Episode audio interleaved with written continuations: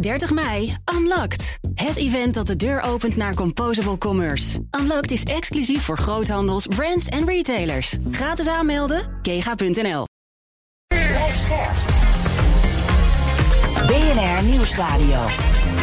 The Big Five. Diana Matroos. De oorlog in Oekraïne is nu al bijna een jaar bezig en er is nog lang geen zicht op een doorbraak.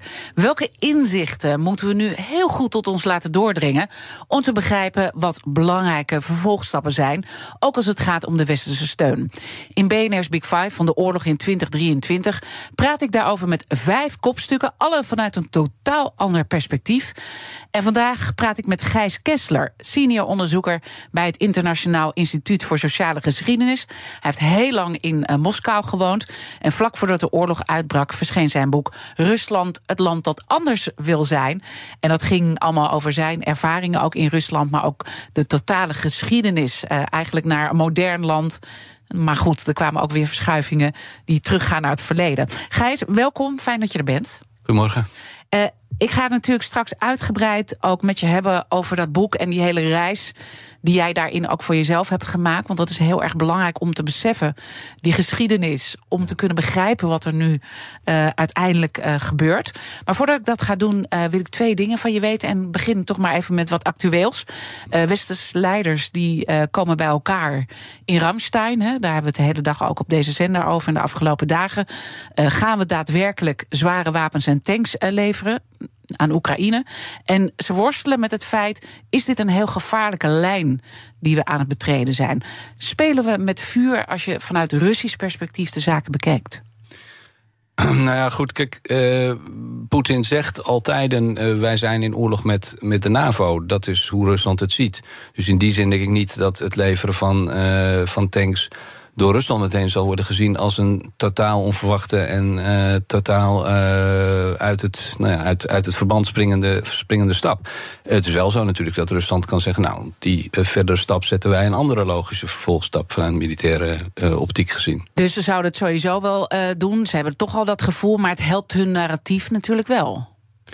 Ja, het helpt hun narratief, maar ik denk ook eigenlijk dat ik, ik verbaas me er soms al een beetje over waarom we waarom, waarom er hier zo vreemd naar dat narratief wordt gekeken. Want ik denk dat Rusland best. Uh, dat vanuit dat het perspectief van Rusland zegt: wij zijn in oorlog met de NAVO. Dat klopt toch ook eigenlijk wel gewoon? We zijn toch ook in oorlog met Rusland? Ja. Ja, de, officieel, de doden vallen officieel, niet bij ons, maar, maar uh, verder zijn we natuurlijk uh, op alle mogelijke manieren bij dit conflict betrokken. En terecht, ik bedoel, dat ik daar ja, geen twijfel over bestaan. is maar, dit natuurlijk, ja, ja, is dit eigenlijk onze oorlog onder, onder leiding natuurlijk ook van de NAVO. Zo ja, zou dat zei ja, doodscheffer gisteren, het is onze oorlog. Ja, ja. ja. Uh, het tweede, kan je daar nou goed, uh, als ik dit dan zo even uh, met je benoem, kan je daar goed met je Russische vrienden over praten? ja, daar kan ik heel goed met mijn Russische vrienden over praten. om de eigenlijk hele eenvoudige reden dat ik helemaal niemand ken in Rusland die deze oorlog steunt. Of er zelfs maar uh, in, in de verste verte van denkt dat het misschien wel een goed idee zou zijn. Nee, uh, ze vinden het net zo'n grote ramp uh, als wij het vinden. Dus in die zin is er totaal geen meningsverschil. En zij zitten er natuurlijk wel middenin. En dat maakt dat het voor hen ja. een minder abstract verhaal is als je morgen opgeroepen kan worden. En uh, je zegt dan opgeroepen kan worden. Dat Ramstein, dat leeft dan helemaal niet. En waar wij dan mee bezig zijn van hoe spannend is dat... Uh, met, uh, dat we nog verder gaan in dit conflict? Nee, kijk, ik denk, ik denk dat het vanuit, vanuit optiek van, uh, van de Russische bevolking gezien, dat dat toch een beetje een, een detail is. Voor hen is het één grote, dus de mensen die er dus tegen zijn, uh, wat de mensen zijn die ik spreek in Rusland, is het één grote catastrofe die hun leven totaal op kop heeft gezet en ja, hun leven ook bedreigt. En of daar nou die tanks wel of niet bij komen, ik denk dat dat uh, voor hen niet trekt. Ik denk niet dat ze daarmee bezig zijn. Ze zijn vooral mee bezig om te denken, komt er, word ik morgen opgeroepen of niet? Ja, ja. En, en, en, en wat doe ik dan? Ja, want um, hoe praten ze daarover? Heb je uh, nog onlangs daar contact met ze over gehad? Ja, want ik heb uh, toen die eerste mobilisatiegolf uh, kwam. Toen is meteen een, een goed deel van mijn vrienden met medeneming van hun jongere zoons die uh, van dienstplichtige leeftijd zijn uh, onmiddellijk naar Kazachstan uitgeweken. Ik heb toen heel veel contact met ze gehad toen ze daar, uh, toen ze daar zaten. Maar ja, die hebben na, na een maand of zo hebben ze toch gedacht: ja, moeten we hier in Kazachstan? Gezinnen zitten nog in Moskou. ja, wat ga je in Kazachstan doen, doen voor werk? Hoe geef je je toekomst? Je leven is gewoon in Moskou. Je leven staat totaal op zijn kop. En ja. vooral die jongere jongens, die waren ook echt, die wilden eigenlijk helemaal niet weg. Hun ouders hadden geloof ik ook wel wat druk uitgeoefend. Maar die werden ook echt gedeprimeerd. Die, die konden er helemaal niet tegen. Ja, je hele leven stond, ze konden niks. Wat moet ik nou? Dus die zijn toen toch maar teruggegaan toen het uh, wat uh, leek te bedaren. En zitten nu, uh, ja, proberen nu in Moskou met een soort plan A en plan B hun leven vorm te geven. Zoals een vriend van mij gisteren zei, zei ja. Over vijf jaar zou ik ongeveer, hij was bezig een nieuw programma te leren. En zo vijf jaar zou ik dan ongeveer op dat punt willen zijn. Als ik tenminste niet morgen opgeroepen word. En dat maakt natuurlijk alles heel dubbel. Ja, en dat kunnen wij ons bijna niet voorstellen. Hè? Want uh, nee. je merkt toch, toch ook wel in Nederland, weet je, we zijn heel erg gefocust uh, uh, ook op Oekraïne. En, en Rusland is vooral slecht, weet je wel. Zo, ja. zo simplistisch maken we het nou. soms ook, vind ik. terwijl er is ook een hele bevolking daar die natuurlijk ook enorm hieronder lijdt. Ja, en, en ook echt wel. Uh, kijk, ik ga me niet wagen aan, uh, aan cijfers van welk groot, hoeveel procent van de Russen steunt dit of steunt dit niet. Maar uh, er is een aanzienlijk deel van de bevolking die verschrikkelijk bij hun maag zitten. Natuurlijk gewoon ja, kut gevaar oplevert, maar ook niet ook vanaf het allereerste begin afschuwelijk vonden dat hun land Oekraïne binnenviel. Maar nu ook de zorg hebben van, ja, moet wat, ik... Uh, ja, uh, hè, want we weten allemaal de gehaktmolen. Uh, en hoe gruwelijk het eraan toe gaat. Um, als, als je kijkt hoe Rusland ook die strategie uitvoert op het veld. Dat is echt heel, dat is echt heel heftig. Of dat je je kind gewoon moet laten gaan. Hè? Vooral natuurlijk omdat mensen... Uh, geen enkel. Kijk, Rusland is een land uh, waar de mensen nul vertrouwen of min tien vertrouwen in, in, in de staat en de overheid hebben. Uit, gewoon uit ervaring ook. Mm -hmm. Want ze weten dat we achterloos met dingen omgaan, dingen niet goed kunnen organiseren. Dat is ook het beeld wat we, wat we natuurlijk gezien hebben de afgelopen tijd. Dus mensen zijn ook gewoon doodsbang dat je dat je kind uh, of dat je zelf daarheen moet en gewoon doordat het een totaal zootje is ook alleen al omkomt. Uh, ja. En dat is natuurlijk helemaal treurig. En als je dan kijkt uh, naar eigenlijk dat zwaard van Damocles wat uh, boven iedereen hangt, hoe diep uh, zit dan de angst en hoe vertaalt zich dat? Nou, die angst zit best wel diep. Die, die, die, die jongere jongens die zijn natuurlijk inderdaad. Nou ja, jong, jongere mensen zijn altijd geneigd tot meer optimisme. Maar die zitten tegelijkertijd voor hen is natuurlijk ook.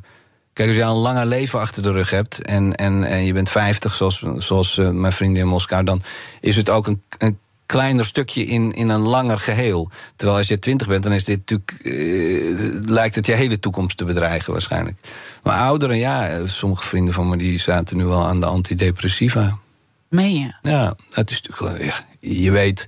Je weet dat als je daar terechtkomt, dat het niet alleen afschuwelijk is, maar dat je, dat je daar ook met een hele grote kans niet uitkomt. Of totaal getraumatiseerd uitkomt. Wat doet dat met jou? Want je hebt daar echt heel lang gewoond, hè? Ik geloof 15 jaar. Het zijn echt goede vrienden van je. Ja. Ja, dat, dat raakt me wel. Ja, ik merk het, uh, merk het aan je. Uh, ja, uh, neem even een, uh, een slokje water. Ik weet niet of het er staat, uh, water. Zou je net zien uh, dat, dat we dat nu niet nee, hebben. Goed. nee, nee, maar, ik, weet je, ik, ik vind echt, we zijn zo bezig met het leed van Oekraïne. Maar dit is ook leed. Ja. Dit is gewoon niet. Ik kan me niet eens een beetje voorstellen. Ik heb twee kinderen van twintig. Dat, dat, ik, dat ik ze zou moeten laten gaan, weet je wel. Um, ja, je, tuurlijk, je moet ook, ik heb ook al verhalen gehoord uh, via via van, van mensen. Uh, ik ken ontzettend veel Russen die heel veel mensen ook weer in Oekraïne kennen. En daar hoor ik weer verhalen van. Dat er in Oekraïne ook jongens zijn die, die, uh, die de dienstplicht ja, toch maar proberen te ontlopen. Want er zijn natuurlijk ook heel veel mensen daar, hoe goed je ook over Ja. een oorlog denkt, hoe, hoe erg je er ook voor bent. Om er zelf aan mee te doen, is natuurlijk weer een heel ander ding. En als, als het gaat om het uh, ontlopen, merk je ook dat ze bepaalde dingen proberen te doen om, om er onderuit te komen? In Rusland? Ja. Nou, uh, ja, dus naar Kazachstan uitwijken natuurlijk. En, en ook, maar ook wel bijvoorbeeld, uh, wat veel nu doen is dat is uh, proberen op een ander adres te wonen. Bijvoorbeeld een woning huren. Wat in Rusland redelijk. Uh, Mensen staan ergens ingeschreven. En als je een woning huurt, dan ga je niet daarin schrijven. Dat hoeft niet. Kan ook vaak helemaal niet om allerlei ingewikkelde redenen waar ik niet over uit zal wijden. Maar dat is natuurlijk wel een makkelijke manier om. Kijk, als jij woont op het, als je echt ook woont op het adres waar je geregistreerd staat, dan maak je het uh, de recruteurs voor het leger natuurlijk wel erg makkelijk om mm -hmm. je binnen te halen. Dus dat zijn wel tactieken die mensen toepassen. Of naar het. Naar het ik heb ook vragen gehoord van mensen die gewoon die zeiden, zeker als je natuurlijk bijvoorbeeld op afstand kan werken. Uh, er zijn ook wel veel die uitgewezen zijn naar een buitenhuisje in, ver van, in, in het bos, ver van de stad. Ja. En daar proberen de. Maar en even... hopelijk niet, hè, dat je hopelijk niet gevonden Ja. wordt. toch kan ik me ook voorstellen, want we hebben natuurlijk gezien bij die eerste mobilisatie dat er heel veel het land ook zijn ontvlucht. En Kremlin is daar ook natuurlijk beter op voorbereid. Merk je ook dat ze bepaalde dingen al aan het doen zijn om te zorgen dat. Uh, uh, mensen niet gaan vluchten of Ja. niet die, die, die sluiproutes allemaal gaan uh, verzinnen. Ja, er zijn twee dingen die- die je wel ziet gebeuren nu. Kijk, in die eerste mobilisatiegolf was het eh, gekke was dat iedereen kon gewoon het land uit. Eh, het was ingewikkeld, die kreeg die rijen aan de grens... omdat de capaciteit gewoon klein was, omdat ze hem niet verhoogden. Terwijl er een enorme toevloed van mensen kan. Maar het was niet zo dat ze mensen probeerden tegen te houden. En daar zie je nu toch wel een verschuiving in... waar iedereen natuurlijk ook heel erg op let. Want dat zijn, is van levensbelang om te weten hoe dat nu is... Uh, je ziet dat er wel iets meer databases gekoppeld worden, zodat je aan de grens makkelijker zou kunnen zien of iemand ook daadwerkelijk uh, nou, dienstplichtig is, of geen uitzondering heeft, of geen uitstel heeft. Dat zie je. En je ziet dat. Uh, bedrijven, dan doen ze heel veel van die, er zijn heel veel mensen die uh, uitgeweken zijn afgelopen jaar. Ja. Die werken, het was natuurlijk na de pandemie. Heel veel mensen zaten al thuis uh, op afstand te werken. Dus die zijn daar gewoon mee doorgegaan vanuit Georgië, Kazachstan. Uh, nou goed, waar, Ja. waar ze uitheen heen geweken, uh, waar ze heen gegaan zijn. En daar zie je dat ze daar nu een stokje proberen te steken. Dus nu wet afgekondigd, of weet niet of het al helemaal van kracht is, maar waarin ze uh, mensen van bepaalde beroepsgroepen, en dan gaat, doen ze het onder de, het mom van veiligheid van informatie, die wordt verboden om systematisch vanuit uh, het buitenland uh, te Mhm. mm -hmm. werken. En bedrijven worden dus, moeten die mensen dus ook gaan ontslaan. En dat is natuurlijk wel, ja, dat maakt het voor mensen lastig om uh, wel een inkomen te blijven hebben, maar de dans Ja. ontspringen. Wat voor keuze Ja. heb je? Ja. Ja. The Big Five. Diana Matroos. Mijn gast is Gijs Kessler. Hij is senior onderzoeker bij het Internationaal Instituut voor Sociale Geschiedenis en schrijver van het boek Rusland, het land dat anders wil zijn. Mijn gasten stellen elkaar vragen via de kettingvraag. En je hebt ook meegeluisterd uh, gisteren naar voormalig baas, uh, NAVO-baas Jaap de Hoop Scheffer. En hij had deze vraag voor jou. De Ruslandkenner van morgen zou ik willen vragen. We hebben het besproken uh, wat de gevolgen zouden kunnen zijn van een uh, veel grotere mobilisatie door Vladimir Poetin. Uh, en of dat ook binnen Rusland uh, en binnen een kleinere kring zou kunnen leiden tot protest.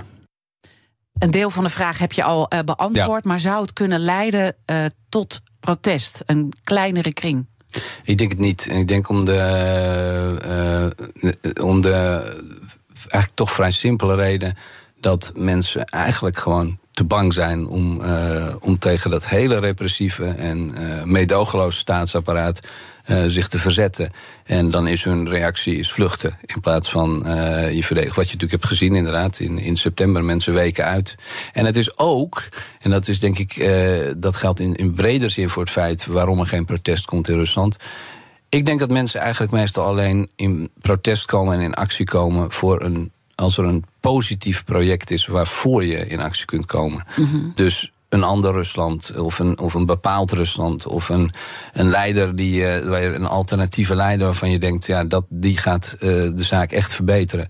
En het enige protest wat Russen op het moment hebben is tegen iets. En dat is kennelijk toch niet een heel erg mobiliserende kracht, denk ik. En, en, en zich misschien ook wel heel machteloos uh, voelen. Want ja, je kan wel gaan protesteren, maar dan uh, betekent dat je gewoon in de cel belandt. Ja, met, dat met, zijn, met een heel. Ja. De, de, ja, dat is niet het vooruitzicht wat wij hebben als we hier protesteren. Nee, nee, precies. En in een cel wat ook niet een cel is waar die, die, die, die wij hebben hier. En niet de gevangenis die wij hebben hier. Dat ja. is een, ook een proces bedoel, waar je. Uh, niet zonder psychologisch of fysiek leerscheuren uit gaat komen. Om dit ook te begrijpen, hoe uh, los van de angst die ze hebben, maar misschien speelt er ook nog wel nog meer waarom ze nou, zich op een bepaalde manier opstellen, moeten we eigenlijk ook even in jouw verhaal duiken en in jouw boek. Uh, want je kwam van in 1991 voor het eerst in Moskou. En eigenlijk had je toen heel erg moeilijk en dacht je: ik kan hier niet aarden en ik ga hier zeker niet 15 jaar blijven, wat uiteindelijk is gebeurd. Ja. Wat, wat, wat, was het toen, uh, wat was het toen wat gebeurde? Nou, kijk, ik zei, uh, dat ik zei: ik kan hier niet aarden, was, uh, was niet dat ik dacht: ik vind hier verschrikkelijk. Maar het was vooral ontzettend vreemd. En dat is natuurlijk gewoon. De, de, ja, in 1991 ging Rusland net open. Het was een land wat vuil uniek, denk ik, wat 70 jaar en, en wat een modern land was geworden onder, uh, voor, onder condities van totale isolatie. Dat was totaal afgesneden geweest van de rest van de wereld. Dus wat ik tegenkwam. Ja, ik was voor hen een, uh, een, soort IT. En uh, die ja. maatschappij was voor mij absoluut vreemd. Hoe het in elkaar zat, hoe dingen praktisch geregeld waren, maar ook hoe mensen met elkaar omgingen. Ik kon de signalen niet lezen. zijn mensen, man en vrouw lopen samen? Zijn dat nou man en vrouw of vriend en vriendin? ik bedoel, ja, vriend en vriendin. Of, of zijn dat broer en zus? Je kon dat, ik kon dat ook heel moeilijk inschatten. En wat zat daaronder? Ja, ja, ik denk toch. Ik, ik denk dat daar. Uh, nou ja. Uh, kijk, hoe de maatschappij ingericht was, is natuurlijk dat het onder ook een heel ander bestel was, uh, was, mm-hmm. was, was groot geworden. Dat Sovjetbestel, wat geen markteconomie was, totaal anders in elkaar zat. Dus dat, die praktische kant van de zaak, dat was vrij duidelijk. Waarom mensen anders met elkaar omgingen, ja. Kijk, Rusland, het, het is, nou, in zo'n isolatie krijg je natuurlijk ook een andere maatschappij. Trends springen niet over. Dingen hoe mensen met elkaar omgaan, rolmodellen waren totaal anders. Uh, het was gewoon echt een heel andere cultuur. En dat is, dat is in de afgelopen 30 jaar beduidend anders geworden. Uh, Rusland lijkt ongelooflijk veel meer op Nederland dan het in 1991 leek. Ja, ook, maar, maar zou je dat ook nu nog uh, zeggen? Of, of uh, eigenlijk. Ja, nog tot de steeds. tijd dat jij nog steeds wel. Kijk, dat zijn natuurlijk heel, veel langer lopende processen, zo'n soort culturele omslag. Dat is niet iets wat een oorlog in, in, in, in één jaar verandert. Ik kan het niet helemaal met 100% met de hand op maat zeggen. Want ik, ben, ik heb helaas al sinds het begin van de pandemie niet meer de mogelijkheid gehad om, in Rust, om naar Rusland te reizen. Eerst door de pandemie. Ja, toen, precies. Dus je bent ook een tijd geleden. wilde de ja. oorlog. Dus dat is inmiddels toch drie jaar geleden natuurlijk. En je hebt natuurlijk ook een bepaald beeld. Uh, wat met name rond Moskou gecentreerd is. Hè? Dus dat is natuurlijk ja. ook wel goed om je te realiseren. Ja. dat uh, het platteland is natuurlijk een totaal uh, ander verhaal. Maar, maar beschrijf welke grote verandering uh, je zag, die wij natuurlijk hier op afstand wel hebben gevolgd, maar hoe, hoe, dat, ja, hoe dat ging. Nou, kijk, Rusland wilde heel erg, zo formuleerden de mensen het ook. Dat was interessant. In 1991 er was een vurige wens van iedereen dat we willen nu eindelijk hebben we de kans, het communisme weg is, om uh, willen we een normaal land worden. En zo zei het echt een normaal land, zo noemden we het. En normaal, dat betekende een markteconomie, een democratie en een open land uh, naar de rest van de wereld, zoals bij jullie. Dat is eigenlijk wat ze zeiden. Nou, en dan zie je. Dus het was eigenlijk ook een soort uh, jaloezie, uh, maakt daarop. Of nou, bewondering. jaloezie, bewondering eerder. Bewondering. Ja? Nee, bewondering. Uh, bewondering en, en zelfs een soort. hoe zeg je dat? dan heb ik even het woord kwijt, maar. Hoe uit het was een soort illusie. Mensen, ja? mensen hadden een veel te positief, bijna een naïef positief beeld van het Westen ook. Als ik zei van nou, bij ons is het ook niet allemaal zo geweldig, dan zei ze nee, nee, dat is onzin. We weten hoe het goed het bij jullie is. Ja. Is utopie een goed woord om het uh, samen te vatten? Of was, was het iets anders? Nee, ik denk, ik denk een soort, ja, echt wel een, een, een bewondering in, in de zin van een heel sterk van daar willen wij heen. En nu hebben we die ja. kans. En dat, dat was wat, wat mensen wilden. En uh, ja, dat, dat heeft uh, een markteconomie in Rusland geworden met wat vallen en opstaan. De jaren ja. 90 natuurlijk economisch. Een heel bijzonder situatie. moment waren ook, ook bepaalde dingen die ook naar uh, Rusland kwamen. Een soort iets als McDonald's bijvoorbeeld. Ja, ja, hè? Dat was echt. Ja, wow, dat, dat, precies. Dat, die, ja, heb je ook meegemaakt, neem ik aan. Ja, al die iconen. Van, zodra er weer iets van de buiten van de, van de ge, ge, geïdealiseerde buitenwereld zeg maar in Rusland verscheen, was dat voor iedereen van kijk, dat is weer een stapje de goede kant op. Het leven wordt steeds beter hier. En dat werd het ook. Uh, en zeker nadat, uh, dat is natuurlijk dan dubbele. Dat zeker net vanaf, vanaf eind jaren 90 zie je dat die economie ook weer gaat groeien. En dan komt er eigenlijk een, een, een 15 jaar of een 10 jaar waarin Rusland ongelooflijke groei in welvaart uh, meemaakt. Wat natuurlijk voor mensen ook heel erg het idee vestigt. Nou, we zitten op de goede weg. Tegelijkertijd, en dat was voor iedereen ook wel duidelijk hoor. Zie je, en dat maakt het paradoxaal. Zag je natuurlijk dat, dat Poetin de, democrat, de heel wankele en heel oppervlakkige democratie die er was in Rusland. Uh, voorkomen de nek omdraaide. En, dat... en hoe werd daarover over gezegd? Want je zegt mensen wisten dat ook wel. Waren ze daarmee bezig? Hadden ze het erover? Nee, mensen waren er nauwelijks mee bezig. En dat is omdat uh, het gros van de mensen in Rusland... en uh, zeker als ik ook kijk naar zo mijn generatie... die jong waren toen het begon in 1991, die waren rond de 20... en die ongelooflijk erbij op gespitst waren, bij gebaat waren dat dat proces doorging. Dat was hun vrijheid en dat was de weg naar de betere wereld die ze zich voorstellen vanaf het allereerste begin absoluut geweigerd hebben om zich met politiek in te laten. Dat vonden ze toen al, begin jaren negentig, en dat werd alleen maar sterker, vonden ze dat een vies bedrijf. Een vies spelletje waar je eigenlijk beter je zo ver mogelijk van kon houden. Terwijl het natuurlijk heel raar was, want het was wel de voorwaarde voor. Uh, ja, het hoort bij elkaar eigenlijk. Hè? Eigenlijk wel. Ja. ja. En dat hebben ze. Uh, nou ja, dat, dat hebben ze eigenlijk te laat, is dat, is dat uh, besef doorgebroken. Want uiteindelijk in, in 2010, 11, toen, toen uh, Poetin op een gegeven moment op wel heel openlijke wijze die democratie of de verkiezingen vervalste, toen kwam er toch wel ineens protest. Want dit gaat te ver. En er zijn grote demonstraties geweest in Moskou die helemaal niets hebben uitgehaald. En dat is voor. Nee, maar ook om, om wat jij benoemt eigenlijk, uh, ook in jouw verhalen, is dat, dat er gewoon geen aandacht is besteed aan de rechtsstaat. Dus wel ja, aan die economie. Ja. Hè? En, en, maar omdat ze zich ook waarschijnlijk niet politiek uh, bewust hebben willen laten maken, of, of daarin we hebben gestapt, was er ook niks om hier op te sturen uiteindelijk? Nee, je was natuurlijk al vrij snel eh, in de jaren negentig... en zeker nadat uh, Yeltsin in, in, in oktober 93 het parlement heeft laten beschieten... was al heel snel het idee van politiek... daar kunnen wij als burger hebben, kunnen we er weinig aan toe of afdoen. Het is een vies spelletje waar mensen zich bekommeren... om hun eigen, eh, en eigen belangen...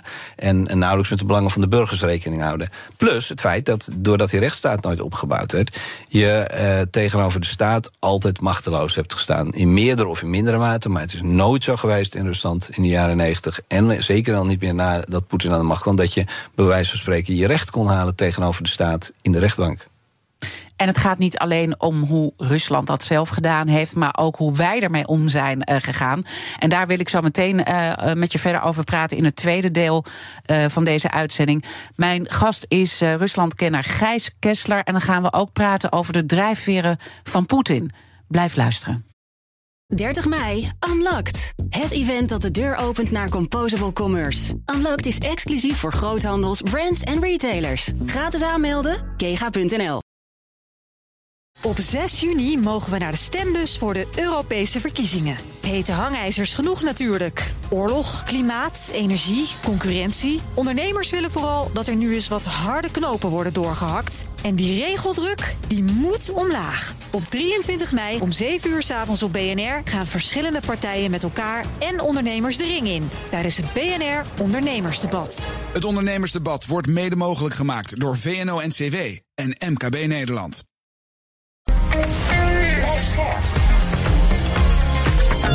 Nieuwsradio. The Big Five. Diana Matroos. Welkom bij tweede halfuur. Deze week spreek ik vijf kopstukken over de oorlog in 2023.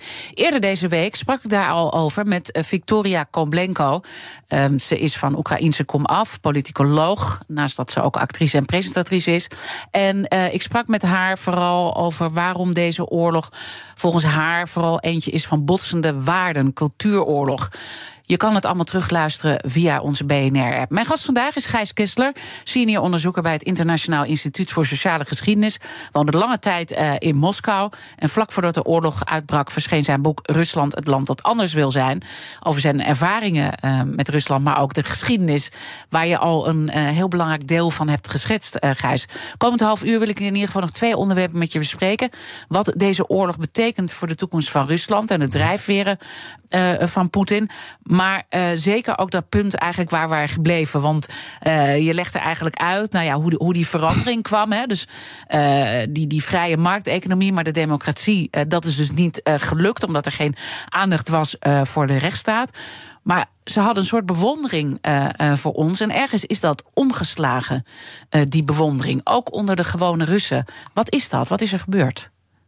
Nou, Uh, ik verklaar dat uh, in mijn boek uh, door, want het is het proces wat ik gezien heb. Ik, uh, mensen reisden uit, begonnen naar het buitenland te reizen en gingen uit van een volkomen, een volkomen geïdealiseerd, ge, ge, geïdealiseerd. ja, of geïdealiseerd of geïdoliseerd ja. beeld van, van, van de maatschappij hier. Ja, en dat was natuurlijk ook toen ze dat dan gingen zien. Uiteindelijk begonnen ze toch te zien dat er ook wel dat dat beeld ook niet helemaal klopt en dat er misschien ook wel wat schaduwzijde aan zat. En dus dat heeft ten eerste werkt Sterk had een soort wat realistischer visie uh, in, in de hand. Maar, en dat is denk ik tegelijkertijd. Uh, het was ook een beetje een desillusie. Als je iets heel geïdealiseerd hebt en je ziet dat het eigenlijk niet alles goud is wat er blinkt dan kreeg je ook wel een beetje dat mensen uh, zich er misschien net, uit teleurstelling wat van afwenden.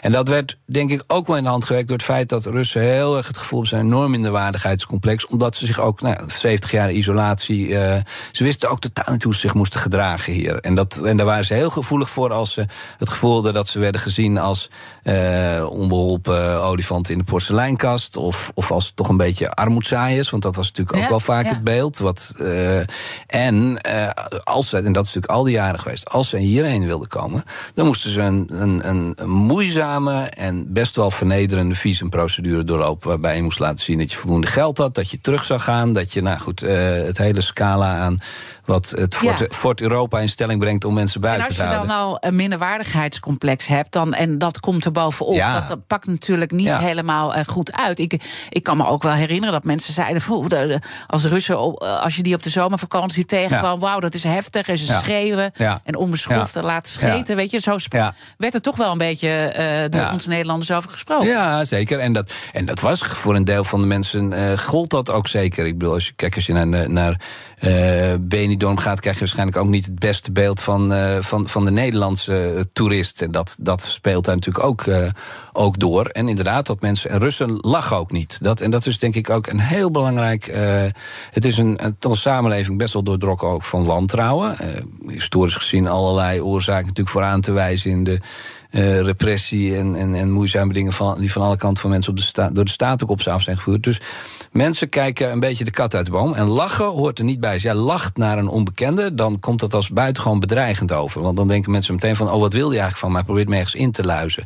Dus Russen lachen in principe niet. Strakke gezichten. En dat is voor ons is het, natuurlijk komt dat heel bedreigend over, terwijl het niet helemaal lang niet altijd zo bedoeld is. Dus wij hebben ook heel veel zaken onderschat eigenlijk. Als, ja. we, als we kijken hoe die, uh, ja, hoe die Russen ook uh, waren en wat er allemaal uh, achter zat. en die onderschatting hebben we natuurlijk ook allemaal bij Poetin gehad. Ja. En die heb je eigenlijk ook zelf gehad. Heb je laatst ook wel een beetje nou ja, bekend. Um je bedoelt Als het van... gaat om zijn drijfveer. Ja, oké. Okay, ja. ja, ik vatte dat net heel goed samen, inderdaad. Ik, uh, dat is het beeld ook wat ik in mijn, uh, in mijn boek heb neergezet. Uh, ik heb het regime van Poetin altijd gezien als een regime gedreven door overwegingen van macht, bezit en invloed. Dus eigenlijk een, een soort van roofridder-regime. En dat, bedoel, daar ben ik niet alleen in. Daar zijn heel, een hele school aan aan analisten die dat zo bekijken. Ze hebben het een maffiastaat genoemd. Niet omdat het crimineel was, maar omdat het de structuur heeft, de machtspyramide heeft van een, van een maffia-achtige organisatie. Anderen noemen het, uh, ja, uh, het, het, afromen van, uh, van geld en goederen en middelen en invloed uit die samenleving is een centrale drijfveer van de machthebbers in Rusland. Dat is overigens in de jaren negentig zag je dat al gebeuren. De verstrengeling van politieke en economische macht. Uh, mensen uh, maken zich meester van de politieke macht om die vervolgens voor eigen gewin en voor gewin van de eigen groep uh, uit te baten. En dat mechanisme is, is, is ontzettend sterk omdat dat zo centraal is, en omdat altijd als ik het regime vanuit die optiek bekeek, zag ik de dingen op zijn plaats vallen heb ik altijd wat uh, Poetin en andere figuren uh, uit het regime uh, af en toe verkondigde over een historische missie of een, een, dat Oekraïne geen land was. Ja. Zulke soort uitspraken heb ik altijd gezien als totale window dressing. Uh, ja, het is gewoon niet zo fraai om te zeggen dat je uit bent op, op je eigen macht en de macht van je eigen groep. De macht van je eigen land is misschien nog enigszins acceptabel in de wereld. Mm -hmm. Maar ook dat klinkt niet echt lekker. Dus ik heb altijd uh, die andere overweging gezien als, nou, als een soort van voor de bühne. Ja, kijk, daar ga je met, met deze oorlog ga ik daar natuurlijk wel, ben ik daar een beetje aan gaan twijfelen. Want ja. als je inderdaad uitgaat, uh, ja, van overweging eh, van, overwe eh, van een regime dat gedreven wordt alleen door uh, overwegingen van macht, bezit en invloed, is er niet echt een heel goede case te maken waarom ze Oekraïne aangevallen zouden hebben. Tenzij ze gedacht hebben dat het een akkefietje van een dag was waar best aanwijzingen voor zijn en dat daarna nee, maar jij doet dit hun positie veilig gesteld uh, nee. Met, met alle uh, ja, risico's die zij daar ook uh, in nemen. Nee, dus als ik mijn boek nu opnieuw zou moeten schrijven, zou ik op dat punt uh, denk niet dat ik mijn mening zou herzien hoor. Ik denk nog steeds wel dat uh, deze oorlog, uh, dat een groot deel van wat er beweerd wordt over de historische missie en het imperium herstellen, dat dat best wel grote flauwkul is. En dat het Poetin met name gaat om het veiligstellen van zijn eigen machtspositie die natuurlijk sterk verweven is met de machtspositie van Toch Rusland. Het is dus heel dubbel wat je zegt. Want je zegt, ik kom eigenlijk tot een nieuw inzicht en ik kijk anders naar de situatie. En toch is het flauwkul. Dus nu ben ik aan het zoeken, wat is het? Nou, ik kom niet echt tot een nieuw inzicht. Ik, uh, ik twijfel eraan. Uh, okay. En uh, ik denk dat je, als ik mijn, mijn, inzicht zo zou kunnen verwoorden, denk ik dat mijn oorspronkelijke beschrijving, dus van een, regime gedreven door overwegingen van macht, bezit en invloed, dat dat nog steeds waar is in de basis. Maar dat je misschien toch die uitspraak over een historische missie niet helemaal als Larry Koek en als voor de buren kunt, kunt verwerpen. Kijk, niets uh, sluit natuurlijk uit, ook als iemand zo lang aan de macht is als Poetin, is dat hij er om bepaalde redenen instapt. Maar dat je uiteindelijk natuurlijk ook uh, een, een, ja, een soort gevoel van, van, van missie gaat ontlenen aan het feit dat jij zo, zo lang degene bent die de lakens uitdeelt. En, en dat, dat doet ook je wereld mens, is. Dat natuurlijk. doet ook iets met de mensen. Dus dat ja. kun je natuurlijk helemaal niet uitsluiten. Dat is de reden waarom uh, wij altijd zeggen: mensen moeten niet te lang blijven zitten op uh, dit soort ja. posities. Dus zeker, het doet iets met mensen. Toch, als je helemaal terug, en jij bent van de geschiedenis, en terugkijkt naar die belangrijke conferentie in 2007 mm. ja, in München. Ja. Daar heeft hij al heel duidelijk gezegd: ik ga dit niet accepteren wat jullie van plan zijn. Ja. Ja, en dat vind ik eigenlijk best gek dat, dat we dat niet serieuzer hebben genomen. Want kijk, dat heeft en jij verder... zelf ook, toch? Ja, dat heeft namelijk ook helemaal niet zoveel te maken met uh, of je Oekraïne nou wel of niet een land vindt en of je een historische missie hebt om een. Om, uh, uh, nee, dat komt er nog even na. Om het imperium. Ja. ja, want kijk, is natuurlijk, en dat verbaas ik me wel een beetje over in de analyse het afgelopen jaar. Dat ik denk, er is natuurlijk als, als zeg maar puur vanuit militair oogpunt. Uh, is het voor geen enkel land een prettige gedachte als een, als een ander machtsblok. Ja dichterbij komt. Daar kun je gewoon, ik denk, als je een generaal in willekeurig welk land vraagt, uh, zijn je er blij mee? Dan zal die altijd zeggen nee. Dus ja, zouden wij ook niet willen. En dat je zegt, dat ja. vinden we onacceptabel, we willen dat liever niet, uh, we gaan er alles aan doen. Het probleem is natuurlijk dat Rusland, uh, wat het gedaan heeft om dat te voorkomen, totaal onacceptabel is. En, en we dat ook niet, ja, niet, niet geaccepteerd hebben en ook nee, niet moeten dat, accepteren. Maar dat ze dit niet accepteren, dat, dat kan je dat wel ze, er niet uit... blij, dat ze er niet blij mee zijn en dat ze het als een bedreiging zien in zekere zin, dat vind ik helemaal niet zo gek. Nee, dat is nou ja, uh, ik bedoel, Jaap de Hoop Scheffer die, die noemde ook weer uh, de woorden gisteren, want die was er uh, bij op dat moment. Poetin heeft tegen hem gezegd: This will not be. Ja, dat is toch wel ja. een heel duidelijke, ja. duidelijke taal. Nou ja, we hebben natuurlijk onderschat hoe Rusland, ja, we hebben aan de ene kant misschien onderschat, inderdaad, we hebben altijd natuurlijk gedacht dat ze dat niet, dat ze geen oorlog zouden gaan ontketenen. Ook omdat er natuurlijk geen zinnig mens uh, uh, zo'n zo'n zo'n conflict zou hebben ontketend. Het is nee, maar een dat ongelooflijke misrekening ons, geweest. Omdat we allemaal uh, ja, in, in, in vrede zijn opgegroeid, weet je wel? Ik bedoel, ja. de, de meeste van ons intussen. Maar ook wel omdat we. Uh, nou ja, ook wel omdat we de zaken hier realistischer in hebben gezien dan Poetin het heeft ingezien. Deze oorlog is natuurlijk een, is een, is een ontzettende miskleun geweest. Mm -hmm. uh, het is, de aanwijzingen zijn legio dat ze gedacht hebben, inderdaad, en dat wat ik net ook al zei, dat het een akke, kort akkefietje was. En vooral gedacht hebben dat het Westen uh, hier nooit uh, zo op zou reageren als wij erop gereageerd hebben. Omdat, denk ik, wij ook, uh, zeker naar Oekraïne, hebben we natuurlijk altijd heel ambivalent gecommuniceerd. Ja, uh, jullie mogen erbij, maar uh, pas op termijn en er moet over gepraat worden. We hebben het aangemoedigd zonder duidelijk te zijn dat, daar ook, de dat we die veiligheidsgaranties die erbij horen. Eigenlijk echt Ja. wilden. Want die wilden we ook eigenlijk niet, volgens mij. Nee, nee, dus we hebben het aangemoedigd, maar eigenlijk Ja. eh, wilden we helemaal niet dat dit zou Nee. gebeuren. En wat heeft dat met Oekraïne gedaan? Nou, Oekraïne heeft dat natuurlijk duidelijk op het spoor gezet. Van, nou, als, eh, als we- ze werden aangemoedigd, dus ze zijn er harder voor gaan pushen. Logisch, zou ik ook gedaan hebben. Rusland heeft het denk ik eh, geaccepteerd, die een beetje dubbele boodschap. Die hebben dat natuurlijk gezien. eh, Ja. dat, dat er niet duidelijk werd gecommuniceerd naar Oekraïne. Die wisten dat donders goed. En die hebben dat denk ik toch eh, gezien als een aanwijzing dat. als ze zo'n oorlog zouden ontkenen of als er een conflict komt, dat wij dan niet voor Oekraïne in de bres zouden springen. Dus wat dat betreft hadden we beter duidelijk kunnen zijn. Maar heeft het ook iets met Oekraïne gedaan? Uh, als je dus steeds een verwachting uitspreekt, nou jij gaat wel bij ons horen. Dan ga je natuurlijk ook steeds meer zo gedragen. Hè? Als dat over zo'n lange uh, periode gaat, dan ga je mentaal ook misschien wel meer naar ons toe groeien dan dat je. Nou ja, dat was natuurlijk. Een, je zit. Nee, maar goed, dat was natuurlijk een proces wat in Oekraïne al veel eerder in had gezet. Die hebben uh, op een gegeven moment doelbewust en heel bewust gekozen voor een, een, een democratische toekomst uh, in, in Europa. Ja. Een, een positief project. Iets wat, wat in Rusland dus nooit van de grond komt. Dus het is een volstrekt logische keuze. En uh, het ging ook vooraf aan onze aanmoediging. 30 mei, Unlocked. Het event dat de deur opent naar Composable Commerce. Unlocked is exclusief voor groothandels, brands en retailers. Gratis aanmelden, kega.nl. Op 6 juni mogen we naar de stembus voor de Europese verkiezingen. Hete hangijzers genoeg natuurlijk. Oorlog, klimaat, energie, concurrentie. Ondernemers willen vooral dat er nu eens wat harde knopen worden doorgehakt. En die regeldruk, die moet omlaag. Op 23 mei om 7 uur s avonds op BNR gaan verschillende partijen met elkaar en ondernemers de ring in. Tijdens het BNR Ondernemersdebat. Het Ondernemersdebat wordt mede mogelijk gemaakt door VNO-NCW en MKB Nederland. BNR Nieuwsradio. The Big Five.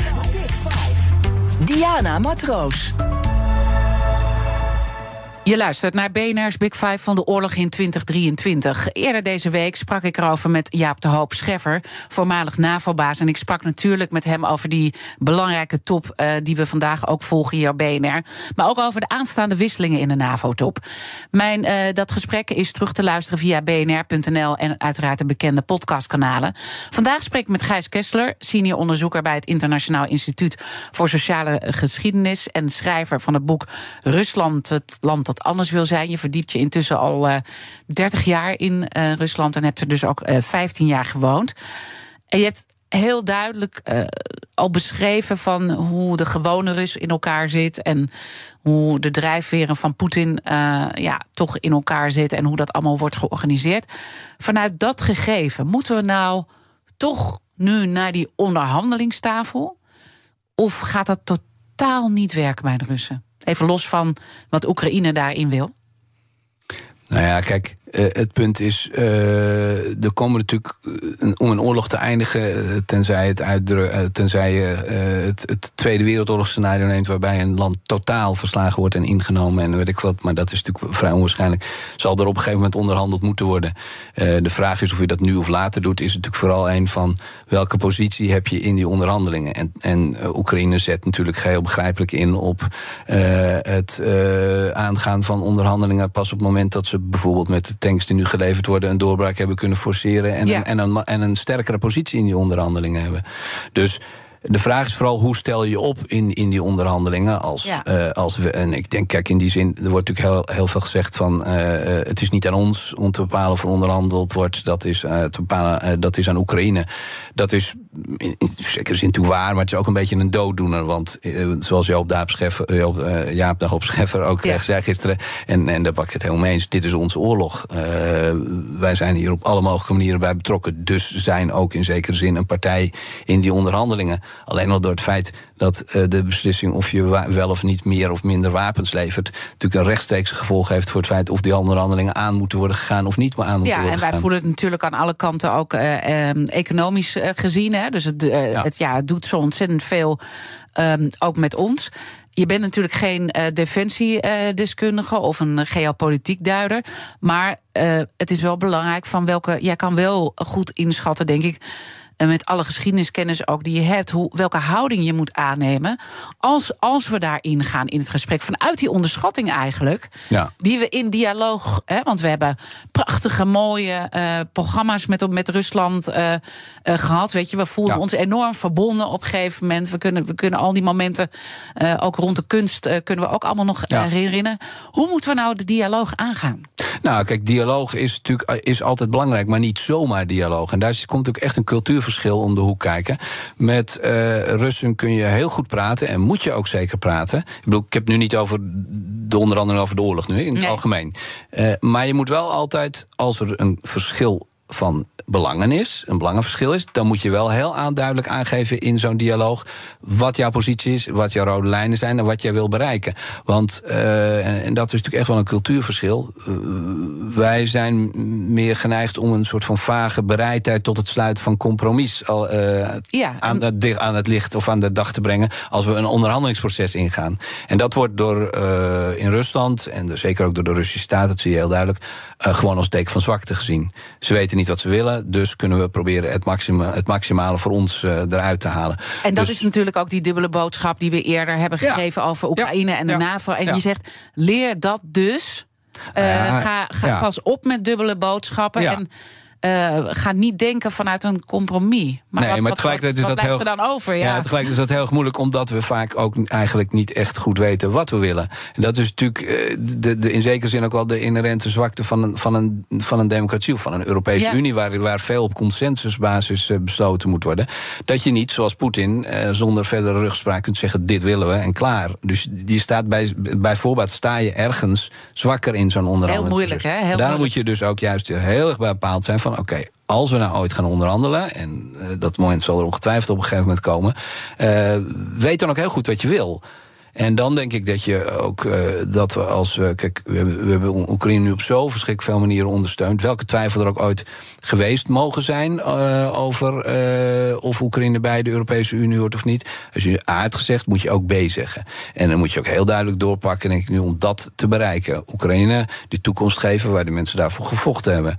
En, en dat te doen op een manier, en dat is wel heel belangrijk, die niet voorwaardeloos is, maar waarbij je goed oplet dat dat ook op een manier gebeurt die, uh, die past bij onze wereld. Want ik hoor van, van uh, een aantal vrienden in Oekraïne hoor ik grote zorgen over... Oh god, wat gaat er gebeuren als uh, de miljarden voor de wederopbouw hier, hierheen komen? Ik hoop wel dat de Europese Unie er goed op gaat letten... dat dat niet uh, grotendeels weer afgeroomd wordt door de, ook in Oekraïne... -hmm. Grotendeel, voor een groot deel corrupte politici. Ja, uh, daar is echt wel zorg over. Ja, dat ook. is het meest. Hè, dat, hè, we zijn nu heel erg uh, met Oekraïne be, uh, bezig. En we zien Zelensky als een grote help. Maar het, het, het, behoort natuurlijk wel tot het meest corrupte land in onze, in onze buurt. Ja, het zou misdadig dat, zijn om daar geld in te stoppen. Ja. Zonder de verantwoordelijkheid te nemen om te kijken of dat niet problemen in Oekraïne verergert. Uit een soort van schuldgevoel van jullie hebben geleden en hier hebben jullie de ja. miljarden. Dat zou echt, daar zou je het land echt een slechte dienst mee bewijzen. En dit is een hele mooie brug naar volgende week. Want uh, um, dan uh, maken we de Big Five.